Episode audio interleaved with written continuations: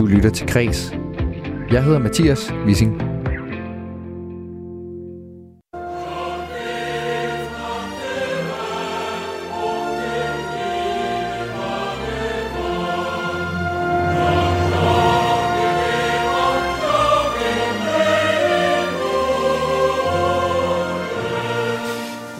Du har måske ikke regnet med, at du skal lægge øh, dagens udsendelse af Kulturmagasinet Kreds ud med Du Gamla Du Fria, Sveriges nationalmelodi. Men det skal vi, fordi at for en måned siden, der fik vores svenske naboer en ny borgerlig regering, og allerede nu så sætter den her nye borgerlige regering altså ild i kulturpolitikken. Et nyt forslag om at lave en kanon har nemlig fået store dele af kulturlivet deroppe helt op i det røde felt. Kanon det skal komme nedefra og ikke defineres oppefra af en udvalgt elite, for den, der vil styre kulturen, vil også styre borgernes tanker og liv, skriver øh, nogle markante stemmer fra kulturlivet deroppe i Sverige. Vi tjekker ind med Sverige, og så sender manden bag vores øh, egen kulturelle kanon fra 2006, tidligere kulturminister Brian Mikkelsen, do's and don'ts over Øresund.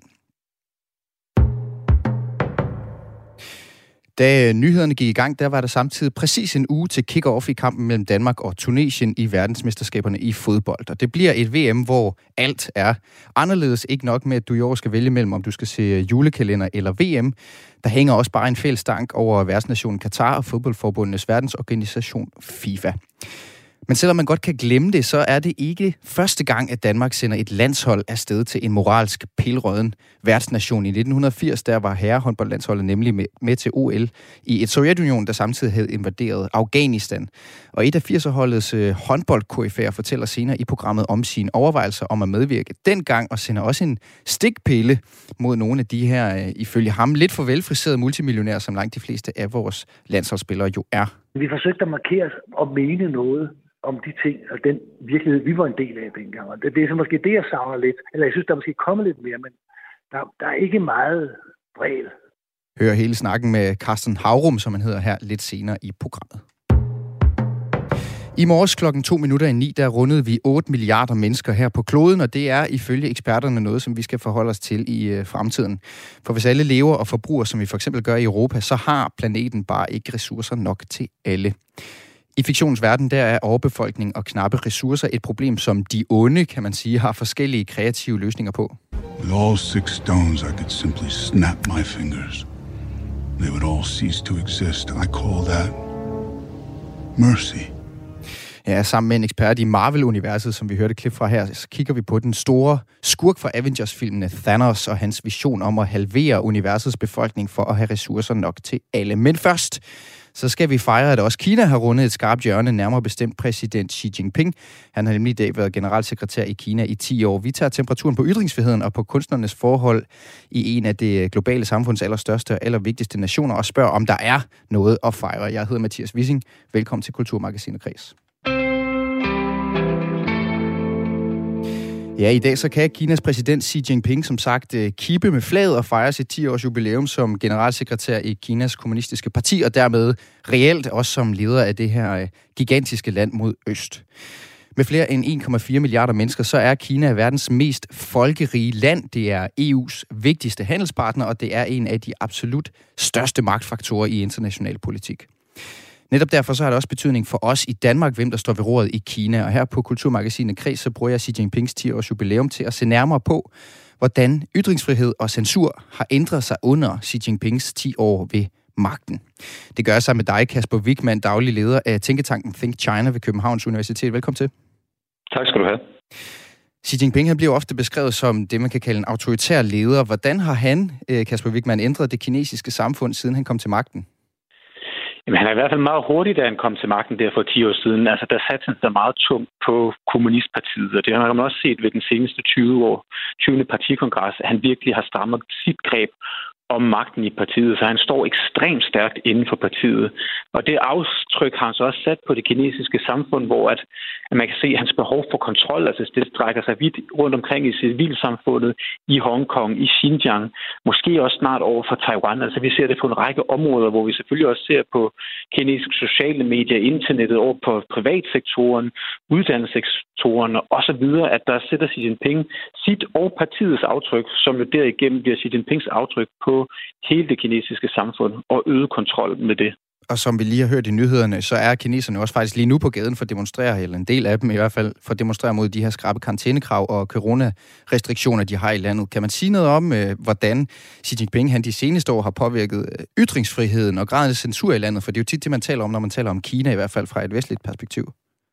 Ja, man kan sige, at altså, censur har jo altid eksisteret under, under kommunistpartiet, i hvert fald også i, i nyere tid. Altså, det er jo heller ikke noget nyt, at der, at der er censur på internettet i Kina. Man kan sige, at Xi Jinping har så strammet det greb yderligere, i hvert fald også indført en, en ret stor grad af, af selvcensur, og så ser vi nogle gange nogle, nogle åbninger, nogle lommer, hvor, hvor folk kommer igennem censur, eller nogle store flodbølger på det. Vi så det, da øh, whistlebloweren lægen, Dr. Li Wenliang, han døde, at mm. der kom ret store protester på sociale medier i Kina om, at et land ikke kun skal have én stemme. Vi så det også med øh, nedlukningen i Shanghai, med det her april stemme, eller april stemmer, alt afhængig af, hvordan man vælger at oversætte det fra kinesisk. At der kom den her massive flodbølge, hvor censurapparatet bare ikke kunne følge med, fordi folk udtrykte deres utilfredshed. Mm. Så der er nogle små lommer, hvor at, altså, kineserne kan ramme, men samtidig ser vi også, at at virksomheder, kinesiske tech-virksomheder, de bliver så bange. Altså Gurli Gris bliver lige pludselig fra den ene dag til den anden censureret, fordi at, mm. at de underholdningsselskaber er bange for at hamre i fedtefadet, fordi at Gurli Gris så bliver et meme og et symbol på noget fra, fra en, en subkultur på, på internettet i Kina. Man bliver bange for, kan jeg komme i fedtefadet med, med myndighederne og partiet, hvis vi slipper det afsted. Vi så også, øh, at internetvirksomheden Tencent øh, gik ind og ligesom ændrede slutningen på filmen Fight Club, så budskabet blev mere moralsk rigtigt i forhold til, at man tror, at det er noget af det, partiet og Xi Jinping selvfølgelig også gerne vil se, at vi får nogle af de her klodsede eksempler på, som, som kineserne også bare selv latterliggør, fordi man, man er så bange for at havne på den forkerte linje af, af partiet. Hvad, hvad, hvad, hvad ændrede de ved Fight Club? Hvad er det, de laver om? Ja, man kan sige, for de, for de udenvidede, der, der ender slutningen lidt med, at, at, at de her mere sådan anarkistiske bevægelser, de får sprunget en masse bygninger i, i luften, og der ændrer man det og sagde, at det kom slet ikke til at ske, og inden det skete, der fik øh, myndighederne, politiet, pågrebet de ansvarlige, som så endte med at få blive indlagt på psykiatriske afdelinger og få den hjælp, de skulle have. Og okay. alle andre, de fik selvfølgelig også øh, deres straffe. Så sådan rigtig hvad kan man sige, kommunistpartiets øh, ja, slutning ja. er mere i linje med den. Og det er altså ikke nødvendigvis noget, partiet har bedt om, men det, det siger noget om, at, at man er så bange for at komme på den forkerte side, man vil gøre det rigtige i forhold til, hvad, hvad man forventer, partiet gerne vil have. Og så er han jo blevet, så er han jo blevet øh, udsat for en slags internetmobning, Xi Jinping, med sådan nogle øh, Peter Plys øh, memes. Kan du forklare, hvad det går ud på, det her folk på internettet laver sjov med, at han ligner Peter Plys, og hvordan han reagerede på det? Ja, det er der, altså man kan sige generelt, altså brugerne på det kinesiske internet er, er nådelsesløse, når det kommer til, til memes og gør en grin med, med alt i det kinesiske samfund. Og, og det bliver der selvfølgelig også stået hårdt ned fra censurens side, men det slapper alligevel fri at folk sammenlignede Altså Xi penge med Peter Plus, fordi man synes, han lignede Peter Plus. Det gør han også. Nu har jeg set de der billeder der. Det, det, det, er, jo, det, der, det, det er jo svært. Det, det, jo, det gør han jo objektivt set på de billeder, der er slået ud. Det, det, der, det der er mange, der, der mener. Man må også have set et billede, med, hvor han går med præsident Obama, hvor Obama så var tigerdyret. Og der kan man fra, fra partiets side, altså selvfølgelig også fra sin side, ikke have, at en, en så stor og stærk leder bliver latterliggjort på den måde. Men man kan se også uden for det kinesiske internet, uden for Kina, der er det stadigvæk noget, der bliver brugt altså til at latterliggøre Xi Jinping og ligesom gøre krig med, med kommunistpartiet og, og Kinas autoritære linje og, og aftryk på ikke kun Kina, men hele altså verdensbilledet. Man stadig bruger det her Peter Plus-billede på, på at latterliggøre Xi Jinping og partiet. Mm. Og så har vi jo faktisk også en, en dansk vinkel på, fordi at sidste år så blev den danske billedkunstner Jens Galschøts skulptur Skamstøtten, som den hed, som øh, symboliserer massakren på den himmelske fredsplads i 89, den blev fjernet fra Universitetet i Hongkong, mens de kinesiske myndigheder de slog hårdt ned på, på de demonstranter, der var her. Mm. Øh, og så var der altså Peter Plys eksempel, du har også nævnt, øh, du har også nævnt øh, Fight Club, hvordan de har ændret det. Hvis man nu gerne vil lave magtkritisk kunst i Kina, er der så eksempler på, at man har været lidt ekstra øh, kreativ i sin tilgang, eller bliver der, bliver der altid bare slået, slået hårdt ned på det her? Altså, hvordan er linjen? Altså, man kan sige, altså generelt på censuren, især også på, på internettet, som er primært det felt, jeg, jeg personligt kigger på, altså der, der, der er der noget andet rådrum også i forhold til det kinesiske sprog, som jo er et, et sprog med skrifttegn, at man kan udtrykke sig enormt kreativt. Nogle gange så opfinder man skrifttegn, der slet ikke findes, øh, for at kunne udtrykke sig kritisk øh, over for styret. Så man kan sige, altså, de kinesiske kunstnere også bruger på nettet, altså er ret gode i deres kreative tilgang til at finde ud af, hvad kan vi slippe igennem, før myndighederne måske får nys for, hvad det egentlig er, det handler om. Og gå lige til grænsen, og nogle gange går man så for langt, og så får man et, et, et, voldsomt rap over nallerne, hvor graden af voldsomhed kan, kan variere. Nogle gange bliver man bare altså, lukket ned, hvis det er sociale medier. Andre gange skal man til en kammeratlig samtale, og nogle gange kan det være måske værre tilfælde, men man skal ikke tage fejl af, at, at de kinesiske kunstnere, det tror jeg også, hvis man spørger det danske kulturcenter i Beijing for eksempel, som også laver nogle, nogle ret fede ting i samarbejde med kinesiske kunstnere, at der stadigvæk er et råderum, fordi mm. at man kan sige generelt i de kinesiske samfund, nu er det desværre øh, nogle år siden, jeg selv personligt har været der på grund af coronarestriktionerne, at der er den her rå, kreative, utæmmede energi fra almindelige kinesere og kinesiske kreative hjerner til at ville udtrykke sig på trods af den her altså skarpe censur, som så kommer til udtryk på forskellige vis, hvor man prøver også at finde, hvordan kan kritisere det her, uden direkte kritisere det, så måske langt hen ad vejen kan slippe afsted med det. Tak fordi du var med i øh, Kulturmagasinet Kreds. Selv tak. Kasper Wigman, altså daglig leder af Tænketanken Think China ved Københavns Universitet. Du lytter til Kres. Jeg hedder Mathias Wissing. Om præcis en uge, der er Christian Eriksen og kompagni præcis 16 minutter nu øh, inde i første halvleg i Danmarks første VM-kamp. Danmark møder nemlig Tunesien på Education City Stadium i Katar, som er et stadion, der ifølge en rapport fra øh, den internationale menneskerettighedsorganisation equidem.org er blevet opført af migranter, som har oplevet alt fra fysisk og psykisk misbrug til ikke at få løn. For eksempel så har en murer, der arbejdede på det her stadion, fået tæsk med et stykke træ, fordi tidsplanen skred. Tildelingen af øh, værtskabet til Katar og forholdene for de migranter, som jo rejste til Katar for at opføre stadion, som altså for eksempel Education City, det har fået fodboldfans over hele verden til at protestere med banner og opfordringer til boykot. Herhjemme der øh, øh, tøver regeringen med at melde ud, om de sender en repræsentant øh, til Katar under dække af øh, regeringsdannelsen. Og midt i det hele, der står så spillerne, som mener, at det må være politikerne mere end dem selv, der må tage beslutningen om, hvorvidt man skal spille eller ej. Til syvende og sidst er vi fodboldspillere, det har Christian Eriksen sagt. Forleden politik handler om noget over os, sagde han, og dermed så siger han jo, at det her VM til syvende og sidst altså også handler om politik, men spørgsmålet er, om øh, landsholdsspillerne til VM, de slipper lidt for let af krogen med tanke på, hvor stor indflydelse netop de har i et fag, hvor lønningerne er godt og vel 30-doblet på 30 år, og hvor man ofte har et øh, antal følgere på de sociale medier i millionklassen. Det er i hvert fald svært at se, hvordan spillerne de er endt med at være staklerne til et VM, som når stød har lagt sig, har kostet mere end et menneskeliv per spillet minut. Selvom det kan lyde sådan, så er VM i Katar ikke første gang et dansk landshold medvirker i slutrunder hos øh, værtsnationer med skeletter i skabet. For eksempel så var det legendariske herrehåndboldlandshold Bolsjedrengene i 1980 til OL i Sovjetunionen i Moskva. Og en af de mest markante stemmer fra den gang var bestyrelsesformand i det Danske Kulturinstitut og håndbold Carsten Havrum.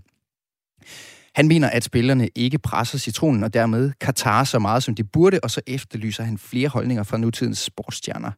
Jeg talte med ham før udsendelsen, hvor jeg bad ham uddybe, hvad det går ud på. Det, det, det bunder den diskussion, som vi også er i øjeblikket omkring boykot og ikke boykot. Det, man, jeg synes, man skal gøre sig klart som, som uh, stjerne, lad os nu bare bruge det begreb, uh, i hvert fald en, der er kendt i medierne, det er, at man, når man enten udtaler sig eller reklamerer for noget, så, så udnytter man sin position til et eller andet til at påvirke noget. Og det har jeg efterlyst lidt med nutidens stjerner måske, det er, at de måske var mere holdningsbordet, altså godt kunne mene noget om de ting, der er i øh, sker i verden, og nogle af de steder, hvor de så deltager. Når man samtidig ser på, at de jo i rig grad øh, bruger deres øh, egen krop til at reklamere for, for forskellige produkter, som de så tjener penge på, så det er jo ikke, fordi man ikke vil, vil mene noget. Øh, det gør man så gennem sin reklameværdi, men jeg savner måske lidt mere stillingtagen. Men jeg vil så også sige, øh, at øh, ret, skal være ret, at jeg synes, øh, med Kasper Juhlmann ved, ved roret, Øh, for fodboldlandsholdet, så er han jo begyndt at deltage lidt i debatten og forholde sig til menneskerettigheder, forholde sig til Katar. Og spillerne har jo også haft, øh, hvad skal man sige, omkring LGBT-rettigheder. Altså, man er jo begyndt at markere sig det, så man kan sige, det er som om, der er sket en lidt positiv udvikling ned ad den vej, efter Kasper Juhlmann er kommet til. Mm. Det er sådan min vurdering. Og nu står vi så alligevel over for det her VM i Katar, og det er jo ikke fordi, at nogen forestiller sig, at VM i Katar bliver aflyst nu, men man er alligevel øh, ret interesseret i, hvor man skal placere det her ansvar. Noget af det, som er sket, det er jo, at spillerne øh, siger, jamen det er politikernes ansvar. Altså, vi spiller bare fodbold. Vi skal bare derned og spille fodbold. Jeg kan ikke lade være med at tænke, om ikke du tænker også, Carsten Havrum, at det måske er lidt let sluppet for, for de her professionelle multimillionærer, de tit, øh, som spiller på landsholdet. Øh, jeg er faktisk enig med dem. Altså, jeg er enig med dem i, ud fra den betragtning, at det er ikke... Den enkelte spiller må selvfølgelig gøre med sin egen samvittighed ved at spille i Katar eller ved at spille et andet sted. Det er fair, og så kan man fra eller være. Men det er ikke den enkelte spiller eller Kasper Juhlmann og spillerne, der skal beslutte sig for at boykotte Katar. Det er en politisk beslutning, øh, som regeringen skal i Folketinget må tage. Det, det var min overbevisning dengang. hvor vi selv stod i den situation, og det mener jeg også i dag, det er ikke sportsholdene, der skal træffe den beslutning. Det jeg efterlyser, det er altså, at de måske godt kan mene noget. Altså man kan jo godt mene noget. Øh, når man er til et OL, kan man markere med, med forskellige ting inden for de rammer, man nogle gange har. Man kan udtale sig til pressen, sige, hvad man synes om det, således at man, man markerer en, det standpunkt, man nu har. Men man ser jo, altså man ser jo også, de siger, at de synes ikke, det er det fedeste i hele verden, at de spiller i Katar. Ja. Der er jo så den forskel for eksempel fra dig selv, Carsten Havrum, tilbage, da I skulle til OL i Sovjetunionen i Moskva, hvor øh, der, der var en kæmpe international boykot af det her OL i ja. 1980, ikke? Ja. Øh, Japan var ikke med, Vesttyskland var ikke med, USA var ikke med. Øh, de blev hjemme altså i protest over, at Sovjetunionen dengang havde invaderet øh, Afghanistan. Danmark var med, men, men du sagde, øh, Carsten Havrum faktisk, du sagde så aktivt, at du var med på at boykotte det der OL, men at det så var regeringsbeslutningen i sidste ende. Ja. Øhm, der, der synes jeg alligevel, at der er en lille forskel i og med, at spillerne i dag jo øh, ikke aktivt siger, at de er med på et boykot. Det siger bare, at de ikke er lige så tosset med, at det er i Katar, men at det øvrigt ikke har noget med dem at gøre. Altså, kunne Mette Eriksen ikke godt have, og de andre på landsholdet, kunne det ikke godt have gået et skridt videre og sagt, at jeg synes, jeg skal boykottes, hvis, hvis min regering siger det? Jo, det kunne de godt. Det, det, det kunne man jo godt. Øh, hvis man, det kunne man godt altså for at lægge lidt mere pres på. Det, taler om her. det kunne man godt sige, at vi bør boykotte og sådan nogle ting. Uh, og det er klart, der er en nuance der. Det, den er jeg med på, også i den måde, du formulerer på der. Men jeg synes, det vigtigste at holde fast i de lidt store linjer, det er at sige, og boykot eller ikke boykot, det må være en national beslutning. Den enkelte samvittighed, og så kan den enkelte gøre det, men som hold må det være. Dengang jeg spillede øh, der kunne vi, altså der, der, Østeuropa var jo kæmpe stor i håndbold dengang, og med Jugoslavien, Tjekkoslovakiet og alle de lande, der ikke er der mere. Øh, vi kunne jo ikke spille håndbold mod nogen som helst, hvis vi skulle overholde menneskerettighederne. Altså, det gav ingen mening at spille kun håndbold mod Holland. Altså, når man det gjorde det, Europa var jo delt i to, og den ene del, det var diktatur, det var den kommunistiske diktatur, og den anden del, det var så Vesten. Og dengang spillede Japan, og undskyld, dengang spillede Spanien og Frankrig, og det rigtig håndbold, det var på vej. Så der var ikke rigtig nogen at spille med ud over Skandinavien. Hvis det var det, og derfor kan man sige, at ved Sydamerika, du kan så mange lande, så jeg synes ikke, det kan ikke være sådan, at den enkelte spiller, altså enkelte hold siger, nej, i Sydamerika kan vi godt, for det er ikke så slemt, fordi det var ikke så slemt, de diktaturer, der var dengang. Og men i Østeuropa vil vi ikke. Jeg synes, det er vigtigt, at det er en regering og et land, der beslutter, hvis man skal bruge sporten som instrument. Jeg synes, og der er ikke en spiller. Jeg synes så til også, at hvis regeringen vælger at gøre det, så er det også for billigt, hvis man bare siger, at nu lukker vi sporten ned og har i øvrigt kommersielt samhandel. Vi skal, det skal være os som sportsfolk, der skal bære den byrde, hvis man kan sige det sådan, og boykotte et OL, som det var dengang, eller et VM i fodbold i dag. Så okay for mig. Jeg synes, det er okay. Man kan sagtens argumentere for det, fordi det er jo forfærdeligt tilstand, vi både ser og hører Men det skal bare besluttes på national plan. Det er sådan min, min hovedpointe på den store klima. Men hvilke altså, protester har du selv øh, udført tilbage i, øh, i 80'erne, da, da, da, da du spillede håndbold på håndbold, herrehåndboldlandsholdet, Carsten? Altså, hvad gjorde I selv for ligesom at markere jeres utilfredshed med de her steder, I nogle gange skulle spille? Ja, vi gjorde, altså det vi gjorde, når vi var til nogle af de store stævner, også i dag, altså det, det var der hele øh, idræt for fredbevægelsen, som var stort dengang. Øh, hvor vi, hvor vi havde klistermærker på vores øh, uh, ID-kort til OL, det var så i 84, øh, hvor vi reklamerede for idræt for fred. Vi, vi, det løbes så eller ud til fred, for fredsdemonstrationer, når vi var rundt og spille landskamp i Danmark og sådan ting. Altså vi forsøgte at tage stilling til det, som man i øvrigt tog stilling til som ung menneske øh, i, i slutningen, altså ved start, eller i starten af 80'erne. Øh, og det gjorde vi så også med, med, med, med, med landsholds, eller ikke med landsholdstrøjen på, men vi gjorde det med, med, med den bevidsthed, at når vi skrev en artikel, udtalelser offentligt og sådan nogle ting, så havde det en vis genklang, og folk det lyttede. Så på den måde prøvede vi at være aktive. Men vi forsøgte at markere og mene noget om de ting, og den virkelighed, vi var en del af dengang. Og det, det er så måske det, jeg savner lidt. Eller jeg synes, der måske kommet lidt mere, men der, der er ikke meget bred Savner du noget, savner du noget mere øh, ballade fra, fra, fra spillerne og fra, det ved, fra, fra aktørerne, som dem, som egentlig, hvis, altså hvis sport det jo egentlig er, der bliver udsat for, for et angreb her?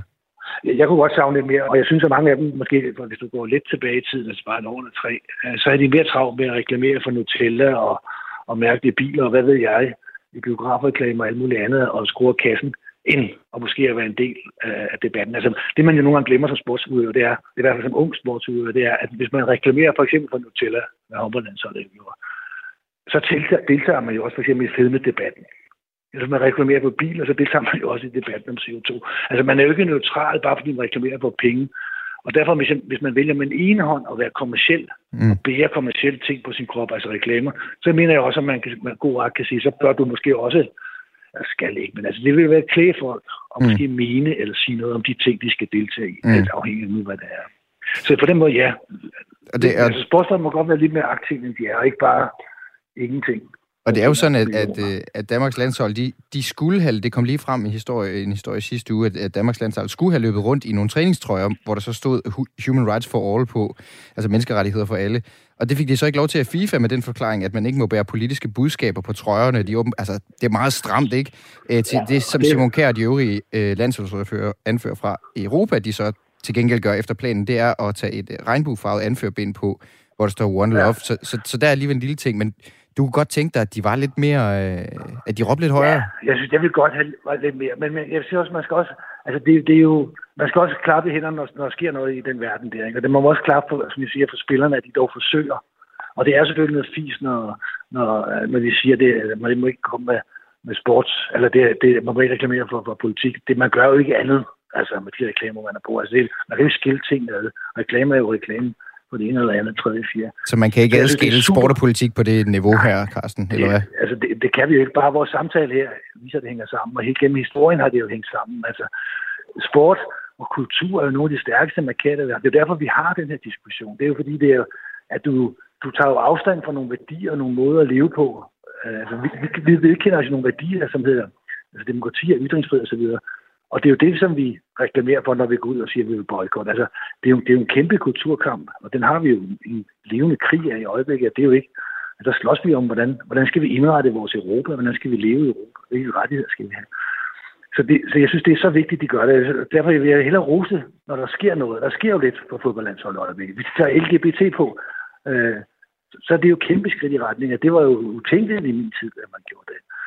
Mm. Øh, så, så jeg vil hellere rose det. Derfor kan jeg så som temperament og som individ godt sige, yes, det kunne være sjovt, hvis I har nogle holdninger, og hvis I har tænkt over tingene, så lad os høre om det, for det påvirker jo masse. Og, og, og, hvad, derfor, hvad, og hvad er det, de er så... Jeg, jeg, tænker, ja. jeg tænker, hvorfor, hvorfor er det? Altså, er Christian Eriksen bange for ikke at komme med til VM, siden han ikke bruger sin platform, hvor han har x antal millioner følgere til at sige noget om, øh, hvor gralt det står til i Katar, fordi så vil jeg kunne forstå det her argument om at sige, jamen vi skal der ned, fordi at på den måde kan vi virkelig lave noget ballade, ja. øh, så vi får ændret på noget. Altså jeg tror, der, der er flere lag i den diskussion. Jeg tror, en af dem det er jo, at der er en helt stor forskel på min tid og den nutid. Det er jo, at vi var grundlæggende amatører, og nu er de jo dybt professionelle. Det vil sige, hvis du går for langt over en streg, så var det værste, der kunne ske for os, det var, at vi blev sat af holdet. Hvis du går for langt over en streg, så mister du dit job mm. i dag. Altså, der er, en, der er kommet en, en disciplinerende faktor ind, der hedder økonomi i stor skala. Men det er den gode presbold for Eriksen at sige til Manchester United og, og alle, der følger med, alle de millioner af fans. Jeg er blevet fyret Manchester United, fordi jeg sagde, at menneskerettigheder for alle. Altså, så vil vi da virkelig have en sag her, ikke? Så, så vil vi kippe med kasketten, men det er også et stort ansvar at ligge på en, på en ung mand. Jeg ikke ved, hvor gammel Eriksen er, men han er måske sidst i 20'erne, som han er 30. Altså, det er jo, det er jo uden hvor vi taler om unge mennesker, der skal mm. træffe nogle beslutninger i en tid. Så, men jeg er enig, det kunne være flot, hvis der er nogen, der gjorde det. Og det sagde øh, Carsten Havrum, håndbold KFA med OL-slutrunder i Sovjetunionen 1980 og USA 1984 på samvittigheden. Jeg har også haft fat i Spillerforeningen. De havde altså ikke lyst til at være med til at tale spillernes sag i dag. Radio 4's fodboldmagasin 4 på foden kiggede også nærmere på det her med, om spillerne slipper for let af krogen ved at undskylde sig med bare at være fodboldspillere. I går så havde de blandt andet besøg af Jeppe Højbjerg Sørensen, som har skrevet en klumme i Euroman om netop det her emne, han ser sådan her det, som jeg har signaleret imod, det er jo, at det er paradoxalt, at vi har, for det første har mennesker, der, der tjener 30 millioner om året, og som samtidig kan se sig selv som gisler i en konflikt, eller i en sag, hvor der faktisk er mennesker, som er gisler. Altså, der findes jo faktisk utrolig, altså der findes tusinder og tusinder af, af migrantarbejdere, som er fanget i Katar lige nu, fordi de ikke har noget statsborgerskab, fordi det er blevet taget fra dem. De er jo reelt gisler. Øh, og, og jeg synes simpelthen, det er, det, det er langt ude, at man bruger den retorik omkring sig selv, ikke? Og du kan høre hele udsendelsen ved at finde seneste udgave af Fire på Foden, hvor det her klip altså stammer fra som podcast.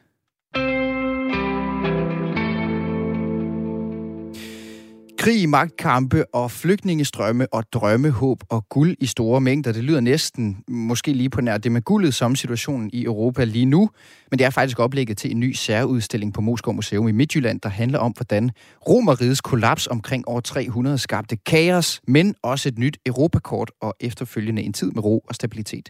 Og på den måde kan det være, at en tur på Moskov og et dyk ned i historien faktisk skal skabe lidt håb. Kulturmagasinet Kreds kulturagent i Midtjylland, Mathilde Reinicke, hun har været på Moskov og fundet et skandinavisk spor, som hun mener gør udstillingen særlig relevant. hovedaktørerne i, i hele det romerske kollaps, det er hunderne og goderne og romerne selv. Men op i Skandinavien, der, der får man selvfølgelig også øh, det, det her kollaps at mærke. Man var, man var også øh, handels... Øh, i handelstog med, med romerne og købte ting og varer dernede. Så man finder ud af, at der sker en hel masse ting, og det er faktisk det, man, man gissner, at, at det er det, der fører til, at man, øh, man grundlægger Dannevirke i 400-tallet, øh, som jo er det her kæmpe store, imponerende forsvarsværk sådan, øh, ved Jyllands rod øh, på det her tidspunkt, og det udbygges Øhm, også allerede under det her periode, det er det blevet gjort op til flere gange senere, men det er altså det første sådan grænsekontrol, man kan tale om, at Danmark får, og det er simpelthen fordi, at romeriet det kollapser ned sydpå. Så på den måde, så er den her nye udstilling, den handler også lidt om, hvad der sker her i Danmark. Eller hvad det gør det nemlig. Ja. Og det er jo det, der sådan også gør det relevant som dansker på en eller anden måde at se det. Altså, det er jo altid en god idé at, øh, at ud, kigge ud globalt og sådan nogle ting, ikke? Men, men når man går på museum, så, så er der også et eller andet inde i en, der, der synes, det er rart at, at kunne relatere lidt til noget, eller placere det. Mm. Så, så det her store kollaps, der egentlig sker rigtig langt væk fra os, det, det får altså også betydning for vores øh, forfædre heroppe nordpå. Ja, i den her særudstilling, som øh, åbnede her i lørdags, hvor du har været inde og set den også, og du nævnte før, der var mm. nogle særlige grupper, som man kan, øh, som, som I ligesom følger i den her udstilling på Moskov. Og hvordan er det sådan visualiseret? Det ved jeg, du synes var, var en særlig stor oplevelse ved udstillingen. Jamen, altså, det, det er sådan, øh, rummet, øh, den her særudstilling er bygget op i, det er simpelthen inddelt efter de her fire øh, aktører, som, som de har valgt at fokusere på i udstillingen. Og det er hunderne, som var nomadefolk, der kom ridende på store heste, og, og den del af udstillingsrummet, som handler om dem, der er ligesom sådan opsat en kæmpe stor teltdu, fordi de boede sådan nogle telte, øh, øh som nomader øh, gjorde førhen, og, og nok egentlig også gør i dag. Der, øh, det, det, det er sådan kendetegnet derover ikke? Og så øh, er der goderne, som, som var sådan et, et ret civiliseret folk, som boede sådan på kanten til Donau på det her tidspunkt, som var den yderste grænse for Romeriet. Så de er, sådan, de er rimelig tæt på, og de prøver at, at sådan, øh, være mini-romere på en eller anden måde. Ikke? Og deres, øh, deres øh, bygningsværker, det er sådan rimelig pænt, og som vi kender det sådan fra europæiske gamle, gamle arkitektur. Men så romerriget, det er jo bare sådan helt vildt imponerende. Og det har de også bygget op i kulisserne. Så det, det er man slet ikke i tvivl om, og der er guld i stridstrømme, er lige ved at sige, i montrene og sådan nogle ting. Øhm, og så er det så nordbordene, det er sådan nede i, i, i den, den bærste del, det er sådan helt mørkt og lidt dystert og, og øh, koldt blåt. Det hele var sådan blåt, så det var koldt, ikke? Og det synes jeg simpelthen, det, det giver en enorm god sådan overbliksfølelse. Altså man kan sådan starte et sted, så kan man gå rundt, og så kan man stille og roligt få styr på de der aktører, som, altså, hvor to af dem, både hunderne og goderne, det var fuldstændig fremmed for mig. Øhm, jeg har i hvert fald glemt det, jeg har lært om dem en gang. så, Ej, det er jeg så, så glad for, du siger. Så kan man ligesom være med, fordi det er jo nogle gange det, der kan være mm. svært i historiske udstillinger. Det er, om man lige skal genopfriske, hvad man nu lige lærte sidst i en eller anden mm. øh, historisk bog, man læste i, eller helt tilbage fra skoletiden. Men, men fordi den har den her rummelige øh, udtryk, den her udstilling på Moskov, så er det sådan rimeligt til at, at følge med i, kan, kan jeg kan høre dig fortælle. Det lyder, det lyder rigtig godt, mm. synes jeg, egentlig. Lige præcis. Jamen, det synes jeg altså. Og så så er der, altså, der er ligesom også en god øh, oversigtstekst til hvert afsnit. Og så kan Mo skrive nogle ting med skærme, touchscreens, de, de har gjort meget i. Det er sådan, øh, folk, der har været derude før, de ved det, men nu forklarer jeg lige alligevel. De, de, har, så, de er begyndt altid at have skærme med på en eller anden måde ekspertviden, arkeologer, historikere og sådan nogle ting, du kan trykke på, for dem til at fortælle en eller anden ting, som du kan stå og høre med en hørebøf.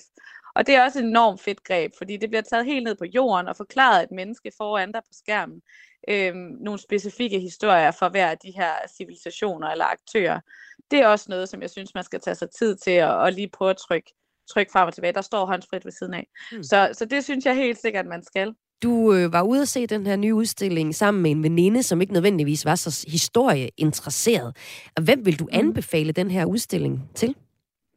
Jamen, nu prøvede jeg den af på min veninde Line, og hun synes i hvert fald også, det var spændende. Og hun er som sagt, ja, som du selv siger, hun er ikke historiker eller nogen ting jeg vil helt sikkert også altså sagtens kunne finde på at tage, tage min mand og måske min ældste søn med. Han er tre år. Jeg så flere andre, der havde børn med derude, som også øh, synes, det var enormt spændende med den her rumled. De kommer jo ikke til overhovedet at læse alle, alle skilte, det skal man heller ikke gå efter, men fordi at, at rummet også er, er simpelthen er så spændende at gå på opdagelse i sig selv, så synes jeg sagtens, man kan tage derhen både med børn og gamle mennesker, og så dem imellem. Så, så jeg synes, øh, den taler sådan til et bredt publikum faktisk. Og får man også noget ud af den her udstilling med, med nutidens briller på? Altså, vi har et Rusland, der er, øh, er i krig med Ukraine, og nogen taler om, hvad de krige kan få af betydning, også for det europæiske verdenskort. Altså, bliver man også sådan, får man sat øh, den samtiden lidt i perspektiv også? Ja, men lige præcis mig. Fuldstændig. Jeg synes jo, det er så relevant, fordi alt den her øh, snak, altså alt det her, vi står i nu, og faktisk har stået i, altså også i lang, en stor del af tiderne, ikke, med flygtningestrømme og grænser, der bliver presset, og krig i Europa og sådan nogle ting. Det, det, det er et perspektiv til, at det i hvert fald er sket før. Og så også lidt, som Moskva også selv sælger den på, ikke? også lidt et, et, en, øhm, et håb for, at, at der, der er stabilitet på den anden side. Og det var altså Mathilde Reinicke, som havde været på Moskov og talt med min kollega Maja Hall om den udstilling, de har om Romeriet. Du kan opleve opstilling, udstilling ud af kager som tiden i Europa efter det vestromerske øh, riges fald på Moskov Museum i de bløde bakker i Marcelisborgskovene uden for Aarhus. I morges klokken ganske få minutter i ni rundede vi 8 milliarder mennesker her på planeten Jorden. Det viser beregninger fra øh, FN's befolkningsdivision, der løbende holder øje med, hvor mange mennesker der er på jorden nu, og hvor mange vi bliver i fremtiden. Ind på worldometers.info, der kan man følge befolkningstallet live, og det viser, at hver gang vi trækker en fra, så skal vi samtidig lægge to til. De her tal, som selvfølgelig altså er forbundet med en vis øh, usikkerhed, de viser, at det tog 11 år for verdensbefolkningen at stige fra 7 til 8 milliarder, og det skaber forskellige udfordringer i verden. Det fortalte Flemming Konradsen, professor i global sundhed ved Københavns Universitet og videnskabelig direktør i Novo Nordisk Fonden i Radio 4 morgen. Det er klart, at de steder, hvor befolkningstilvæksten er hurtig, det er for eksempel dele af Vestafrika, der er det en udfordring at få skabt nok arbejde, sundhedsinfrastruktur, skoler, jobs osv. Øh, det er selvfølgelig også en stor mulighed for økonomisk udvikling, men samtidig en stor udfordring.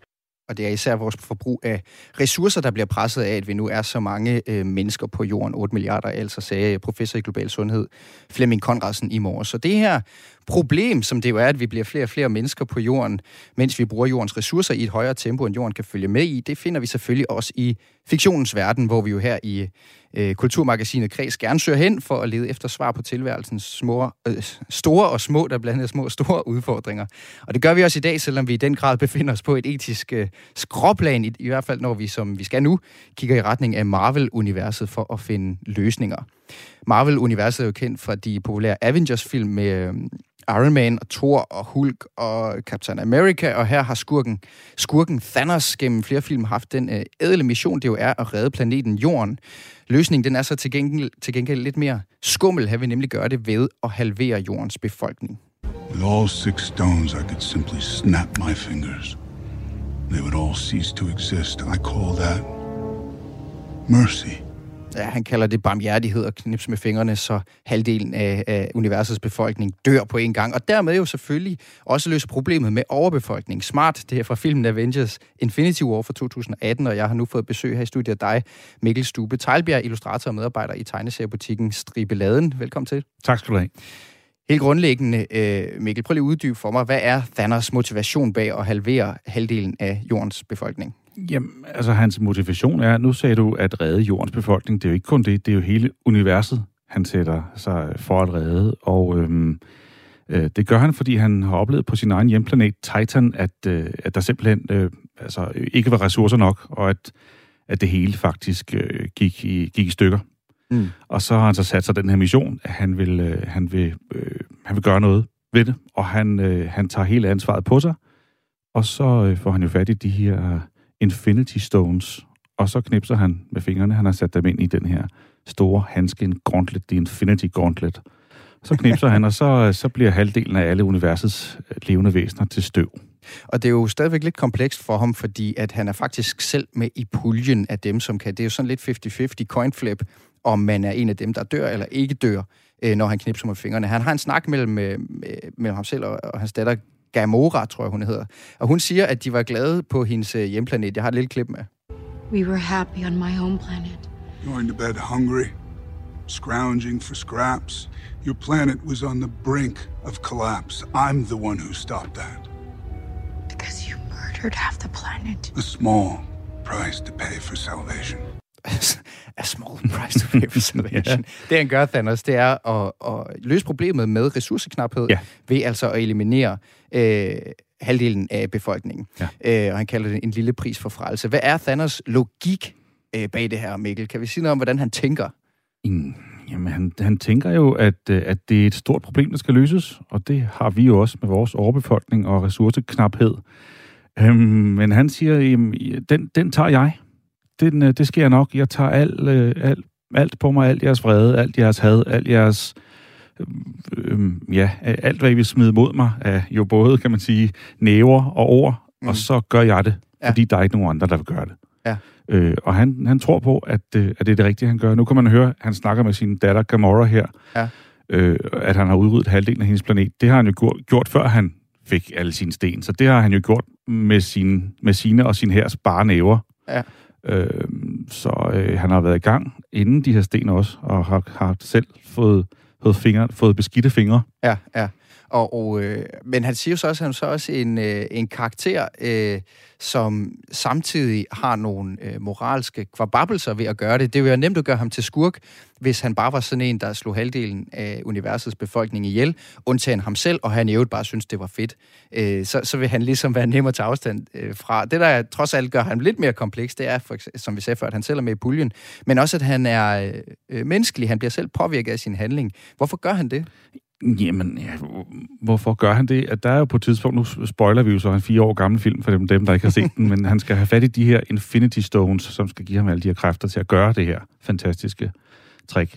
Og en af, en af de, de ting, han skal for det, det er, at han er nødt til at øh, ofre sin egen datter, Gamora, som vi lige hørte i det her klip, og han skal smide hende ud over en klippe for at få en af de her sten.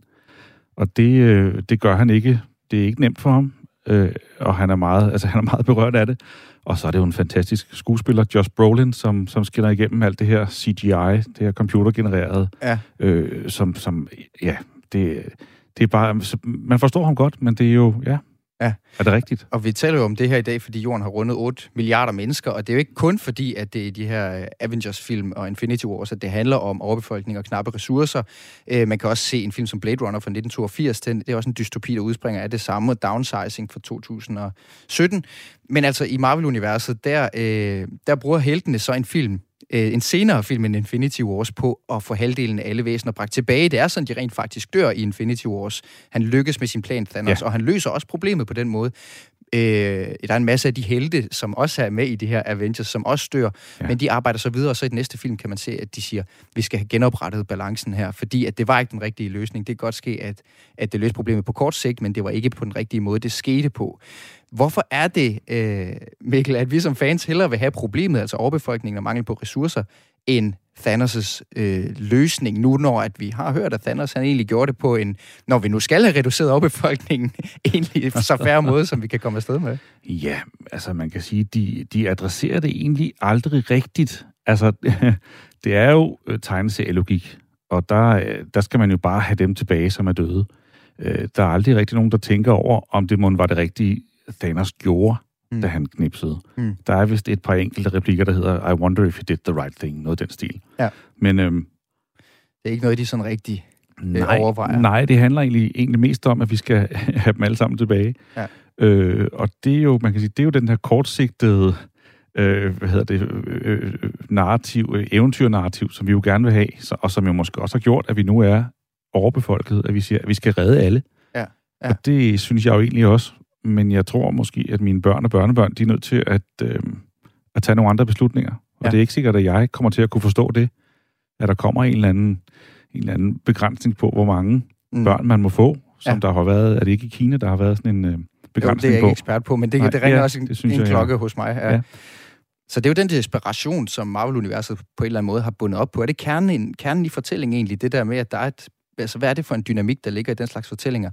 At der er et problem, som nogen tilbyder en løsning på, men som vi alligevel øh, ikke vil tage imod, fordi så vil vi trods alt hellere have problemet, hvis den eneste løsning altså er øh, at udslette halvdelen af jordens befolkning. Jamen, det er jo sådan en, det er jo sådan en, en, en eventyr øh, måde at se tingene på, at er, er måske også sådan en vores, vores kristne eller kulturkristne måde at sige, at alle liv øh, er, er lige meget værd. Mm. Og det, øh, det mener jeg, men det er, jo, det er jo der, hvor det bliver, hvor vi kommer ind i gråzonen og siger, jo, men hvis vi nu er 11 milliarder om det, det ved jeg så ikke, 11 år. Ja, ja vi, er, vi er 10,4 milliarder i, i 2080 ifølge FN's øh, fremskrivelser. Jamen, det så det. stabiliserer det sig til gengæld, men vi skal lige op og ramme 10,4 milliarder. Så hvem skal være Thanos? Altså, hvem, hvem, hvem, hvem tør tage den beslutning, der skal tages? Det, det er jo nogle gange lidt, tænker jeg, lidt ligesom at være forældre. Nogle gange, så skal man bare sige, sige nej og sige ja, stop. Og jeg ja. kan godt se, det kunne være rigtig fedt, hvis... Øh, hvis du må få den der, de der på sko der, men det skal du bare ikke, fordi øh, det er vinter, og du skal... Ja, hvad fanden med jeg? ja, et eller andet underligt sted ønsker man sig, drømmer man sig lidt hen til en eller anden form for Thanos. Jeg er ikke sikker på, at vi i dag kan lade os inspirere direkte af Marvel-universet til at finde en løsning på problemet, som vi ellers prøver, men, øh, men, men det, det ligger der lige for ellers. Ja, det er jo, men, det er jo, men det er jo en svær en, og man, man er nok nødt til at æde nogle, nogle kameler, nogle... Ja, jeg er simpelthen... Jeg, jeg ved det ikke. Jeg aner det ikke. Og det er jo derfor, at Avengers-film faktisk alligevel har en eller anden kernebudskab, som gør, at den er interessant at se af en superheltefilm. Ja, ja, den er ikke så simpel. Tak, for, uh, tak fordi du var uh, med, uh, Mikkel Stube Teilbjerg, illustrator, altså medarbejder i tegneseriebutikken Stribladen. Tak. Og også tillykke til jordkloden, og os alle med at blive 8 milliarder verdens befolkning, den forventes altså at vokse til 9,7 milliarder mennesker i 2050. Men før vi ønsker os en Thanos en gang for alle, så kan jeg berolige med, at kurven ifølge altså FN til den tid flader lidt ud, så antallet af mennesker på jorden stabiliseres på de her 10,4 milliarder i 2080. Du lytter til Kres. Jeg hedder Mathias Wissing.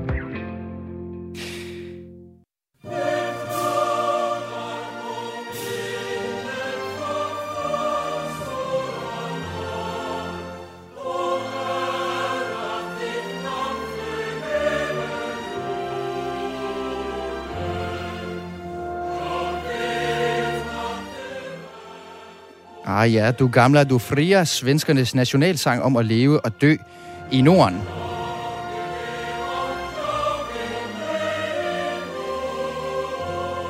Og et af de få øh, nationalsymboler, som kan samle svenskerne. Når snakken den falder på kultur, så er der nemlig som regel ballade hos vores naboer mod nord, og lige nu så rusker blæsten ekstra meget i de svenske grænskove. Svenskernes nye borgerlige regering har nemlig sat sig for at finde ud af, hvad der er den største svenske kunst, og altså dermed en gang for alle slå fast, hvilke kunstværker, der bare er bedre end alle de andre. Men det møder modstand hos en række toneangivende svenske kulturfolk med forfatter Camilla Lækberg i spidsen.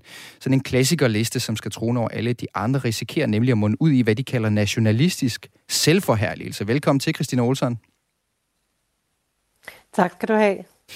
Journalist bosiddende i øh, Malmø, hvor du har dækket Sverige for blandt andet politikken i 20 år. Og Christina Olsson, hvad er problemet med sådan en kanon her? Jamen, det, det er noget, man har talt om i, jamen, helt tilbage til 2006, men det er jo ikke rigtig noget, der har fået noget gennemslag. Men med den her nye regering og det paradigmeskift, som den siger, den vil gøre på mange områder, så er også kulturkanon øh, øh, en stor, stor ting, det her med at udvælge og samle lidt op det, som er det bedste kultur. Det er ikke noget, vi kender til i Sverige siden tidligere. Det er ikke noget, vi har haft, og det, det er også noget, øh, netop som du sagde, Camilla Lækberg og de forfatter, de taler om nationalisme. Det er ikke noget, som vi taler, så gerne taler om i Sverige. Så det, øhm, hvorfor vil det de gerne, en del følelser, især i kulturlivet. Hvorfor vil den her borgerlige regering gerne have sådan en, en kanon? Jamen, det er jo altså primært Sverigedemokraterne. De har, de har i flere år øh, foreslået lagt forslag af rigsdagen, som så ikke er blevet vedtaget, for dem er det vigtigt, ikke kun fordi at øh, kulturen i sig, men hele det svenske værdisæt, altså på en måde skabe noget, som viser, hvem, hvem svenskerne, svenskerne er. Altså kulturpolitik er utrolig vigtig for Sverigedemokrater. Det er ikke kun migration og retspolitik. Kulturpolitikken er faktisk lige så vigtig, at man netop sætter fokus på det svenske. De mener jo, at man sætter alt for meget fokus på multikultur og kultur fra andre lande. Nu skal vi fokusere på det svenske. Og hvorfor er sådan en, en, en kanon her øh, særlig springfarlig i, i Sverige? Fordi kulturlivet har jo reageret ret kraftigt mod ideen om sådan en kulturkanon. Jamen, jeg tror, det som jeg sagde, jeg tror, nationalisme i Sverige er, er rimelig sprængfarlig. I mange år har vi haft svært ved at tale om, øh, om øh, hvad svensk kultur er. Og det er jo ikke bare de sidste 10, 15, 20 år. Det er ikke noget som woke eller noget. Det er noget, der går helt tilbage til 1800-tallet øh, med forfattere og hele kultur kulturfolk, som har talt om det her, at vi har vel ikke rigtig nogen svensk kultur. Der har været lidt grimt at tale om nationalisme. Det er lidt grimt at have et, et blåt og gult flag og sådan noget. Der adskiller vi os jo fra Danmark, som har, som har haft en anden, jamen mere tydelig nationalisme. Sverige har ikke været i krig 200 år. Det har også påvirket, tror jeg. Så nationalisme, selve ordet har sådan lidt øh, øh, en dårlig klang i, i, i manges øh, ører, i hvert fald inden for det svenske kulturliv. Og det er det, der, der vækker de stærke følelser. Og er de i særlig grad øh, bange for at fremhæve noget som værende noget bedre end noget andet i Sverige, end vi er i Danmark? For en af de ting, som kulturlivet jo øh, advarer mod, det er, at det bliver en politisk styring af kulturen, hvor der er nogen, som øh, på vegne af andre bestemmer, hvad der, er, hvad der er, er, er, skal være med i den her kanon, og hvad der ikke skal være med i? Jamen både og. Jeg tror, at den politiske styring er, er, er vigtig. Det er det, som, øh, det, det, er det, som ligesom mange har svært for, at politikerne skal gå ind og beslutte, hvad der er god kultur. Men jeg tror, altså, i Sverige har vi jo haft en ret god distinktion mellem finkultur og kultur, altså almen folkelig kultur, så, og vi har jo også et Nobelpris i litteratur, så jeg tror ikke det der med, at man ophøjer øh, en eller anden vis type kultur i forhold til, altså at man ophøjer øh, en forestilling på Dramaten i forhold til en revy i Trelleborg, det tror jeg ikke er det store, men jeg tror, det er den politiske styring, og så er der jo en specifik ting, som har som har gjort øh, vrede lidt ekstra. Det er jo Sverigedemokraterne, som står bag det her. Sverigedemokraterne er vores store parti ude på højrefløjen, altså Dansk Folkeparti, som har vokset utrolig meget mm. i de sidste mange år. Og de har fået en stor indflydelse på den her, det her regeringsgrundlag. Og det, som de har åbnet for, det er, at man skal bruge den her kulturkanon øh, og de her litteraturlister, som man siger, man vil tage frem i en, en eller anden slags statsborgerskabsprøve. Og det kobler jo også kulturen direkte til migrationspolitikken, og mm, det er vel det, at det sprængfarlige, ja. eller ligesom det, som vækker stærke følelser findes. Ja. Tak fordi du var med, Christina Olsen. Selv tak. Altså journalist for blandt andre politikken siden 2002, bosiddende i Malmø. Og det er jo lidt interessant det her med, hvordan at der er en borgerlig regering presset af et øh, højrefløjsparti, som vil søsætte en kulturkanon. Det ligner på mange måder det, som skete i Danmark i, øh, i starten af nullerne. Øh, meget lige det, som skete, altså da nuværende direktør i Dansk Erhverv og tidligere kulturminister Brian Mikkelsen stod bag. Og netop Brian Mikkelsen kan jeg nu byde velkommen. Hej med dig, Brian. Hej med dig. Altså kulturminister fra 2001 til 2008. Så Sverige de kaster sig med knap 20, 20 års forsinkelse i forhold til Danmark over en, en kanon, som på mange måder virker til at minde om den, du satte i søen, øh, og som var færdig i 2006. Vores kulturkanon har syv forskellige områder. Det er arkitektur, design, billedkunst, teater, litteratur, film og musik, og så var der lige en lille børnekulturs vedhæftning, som de lavede nu, det alligevel var i gang. Det var dig, der satte det i søen, Brian Mikkelsen. Hvad var din idé med at lave den her kanon i sin tid? det var faktisk øh, en, øh, en stolthed over dansk kultur, øh, men også en erkendelse af, at vi lever i en øh, meget global verden, hvor tech-giganter øh, får mere og mere indflydelse.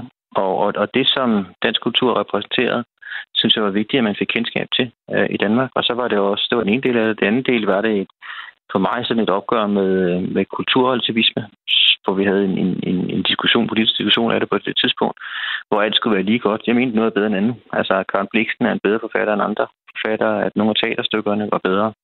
Og i de syv kanonudvalg, vi nedsatte, så var min mening med det, at, at vi fik præsenteret det bedste af det bedste, og så kunne man jo gå på opdagelse i det. Det var jo ikke noget politisk valg. Jeg havde jo ikke nogen indflydelse på det. Jeg havde bare været med til at sørge for, at der sad nogle fagpersoner i de syv kanonudvalg, der så kunne præsenteres for fremragende øh, dansk litteratur, fremragende dansk musik, arkitektur osv. Og det var den diskussion, jeg gerne ville have. Det var en diskussion om, om, om dansk kultur. Og i Sverige, der bliver øh, det her projekt sat i søen af den borgerlige regering. Det, det møder sådan lidt modstand i, i åndslivet. De kalder projektet for smagsdommeri og nationalistisk selvforherligelse, har de sagt. Hvordan blev det taget imod i Danmark, da du præsenterede ideen om en, øh, om en kanon? Der var lidt af de samme diskussioner. Jeg er faktisk blevet interviewet til, til Svensk Radio om det lige nu, og nu vælter det ind med henvendelse om, at jeg skal holde taler deroppe i Sverige, for det er lidt den samme diskussion. Der lige, jeg kan bare høre kreds, så. så nu har alle mulige skrevet til mig, om jeg ikke kan komme op og tale op. Men øh, altså, jeg synes ikke, den... Øh, nu kan jeg jo ikke føle svensk debat på samme måde, men, men jeg synes ikke, vores debat var lige så intensiv. Der var en diskussion, og den var faktisk også i borgerlige kredse. Altså, om man kunne tillade sig øh, at man lavede en sådan kanon, hvor man præsenterede det bedste af det bedste. Det var også øh, liberale kredse, som, som faktisk var skeptisk.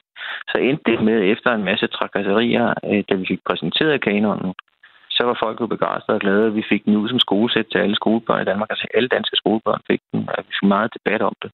Så, så, så den opfyldte faktisk sit formål med, at man kunne gå på opdagelse i, hvad dansk kultur var for en størrelse. Mm efter en, en, en svær fødsel. Mm. Og, øh, og, og noget af det, det, der virker til at være en svær fødsel i Sverige lige nu, handler om, at, at, at åndslivet og kulturlivet er bange for, at en kanon strømligner kunsten. De siger, øh, de skriver et åbent brev øh, med, med krimiforfatteren Camilla Lækberg i spidsen, hvor de siger, at kanon det skal være noget, der kommer nedfra, det skal være noget spraglet udefineret, som kommer fra befolkningen, og så siger de også, at den, der vil styre kulturen, også vil styre borgernes tanker og liv. Hvilke overvejelser gjorde du der i, i sin tid om at undgå, at kanon netop fik den effekt i Danmark, som kulturlivet i Sverige så nu øh, advarer mod?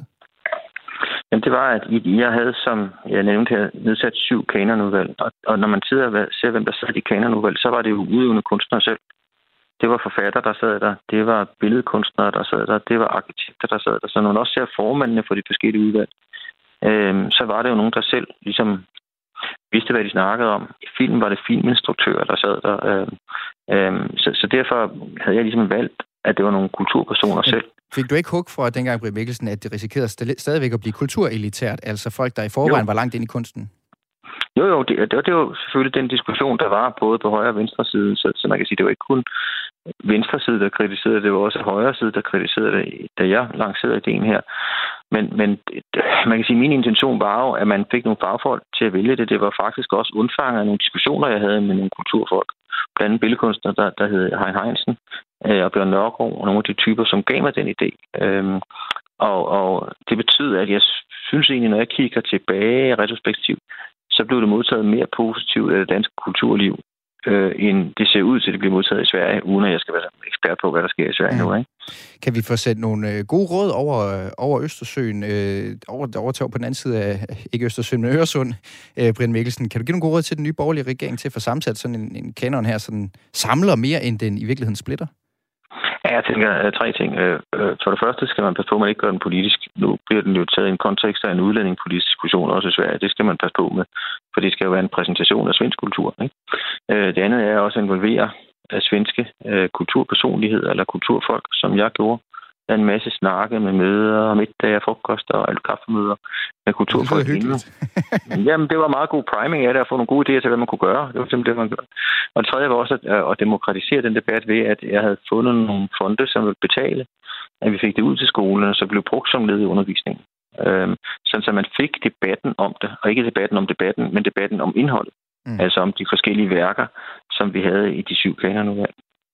Så altså øh, undgå, at det bliver en diskussion om politik, øh, og så, skal, så er det noget med at holde nogle møder med det svenske kulturliv, og så samtidig ja. øh, demokratisere debatten, involvere en hel masse undervejs. Det, det pakker jeg i en lille øh, kuvert og sender over til, sender over til svenskerne derovre. Ja. Kan du også sige, Brian Mikkelsen, når man opstarter et projekt som kulturkanon, øh, så vil man jo begå nogle fodfejl undervejs. Altså, hvad skal de for enhver pris undgå derovre? Ja, man skal passe på, at man ikke politiserer det. Det, det, det synes, skulle jeg også selv passe på med, øh, og det begiver det også fejl med selv, når jeg kigger tilbage på det. Ikke? Fordi det er jo et prisværdigt projekt, at man har en diskussion om dansk kultur. Vi, bliver, vi har Google, vi har Microsoft, vi har Facebook og alle mulige andre, som overstrømmer os med deres og alle mulige streaming-tjenester for USA. Mm. Øh, hvad kan man så gøre for at værne om dansk kultur? Det er jo et erhverdigt projekt, et fantastisk, idealistisk projekt. Det skal man bare passe på ikke at gøre partipolitisk, fordi så kan man få den rigtige diskussion af det i forhold til indhold mm. og substans. Så er det måske en, en, en potentiel fodfejl for dem at koble det op til den her øh, indfødsretsprøve eller statsborgerskabsprøve? Ja, det synes jeg. Det vil jeg ikke selv gøre i Danmark. Altså, nu skal jeg, jeg, jeg vil slet ikke gøre mig klog på, hvor meget det gør, hvad der sker i andre lande. Men det vil ikke passe i Danmark i hvert fald, for så bliver det jo netop kontroversielt politisk, i stedet ja. for at have en diskussion om kulturen. Ikke? Og så, hvad synes du her til sidst, Brian Mikkelsen, at svenskerne de kan lære af os? Altså skal de finde kulturkanonen frem fra 2006 og bladre frem, og så copy-paste, eller hvad, hvad, hvad, hvad, hvad kan de lære? Jeg synes egentlig, det, altså når jeg kigger tilbage på det, og, og i tæt brug på den her samtale, også fordi jeg er jo blevet interviewet nogle andre medier om det også her, øh, så har jeg fundet bogen frem igen. og øh, jeg synes, jeg elsker at gå på opdagelse i det. Lige nu har jeg faktisk blevet bladet op på arkitekturen og, og set, nej, jeg skal hen og besøge nogle af de steder og sådan noget. Ikke? Mm. Så, så jeg synes egentlig, vi gjorde det godt. Ja. Og øh, jeg, ikke, jeg var jo ikke mig, der havde været nogle af men dem, som sad med det, gjorde det rigtig godt, men i så præsentationen af det bagefter. Så man kunne gå på opdagelse i dansk kultur du er stadig Det kan være, at vi skal pakke den i den samlede pakke og sende over til, til svenskerne derovre, så de kan få, ja. få, få lidt, uh, lidt god vind med på vejen i forhold til at få lavet en, uh, en kanon, som altså laver, skaber lidt debat derovre i Sverige, Brian Mikkelsen. Uh, tak fordi du var med. Selv tak. God eftermiddag. I lige måde, og altså direktør i Dansk Erhverv og blandt andet tidligere kulturminister med afsender på den danske kulturkanon. Hvis de øh, savner mere inspiration derovre, så kan svenskerne også kigge mod Bertel Hårders Danmarks kanon, som ikke har haft helt den samme gennemslagskraft, men som ikke desto mindre i 2016 efter en øh, omstændig proces oplistede 10 danske værdier. Og hvis du ikke har den kanonliste helt præsent, så kan jeg fortælle dig, at det var velfærdssamfundet, som blev stemt helt til tops.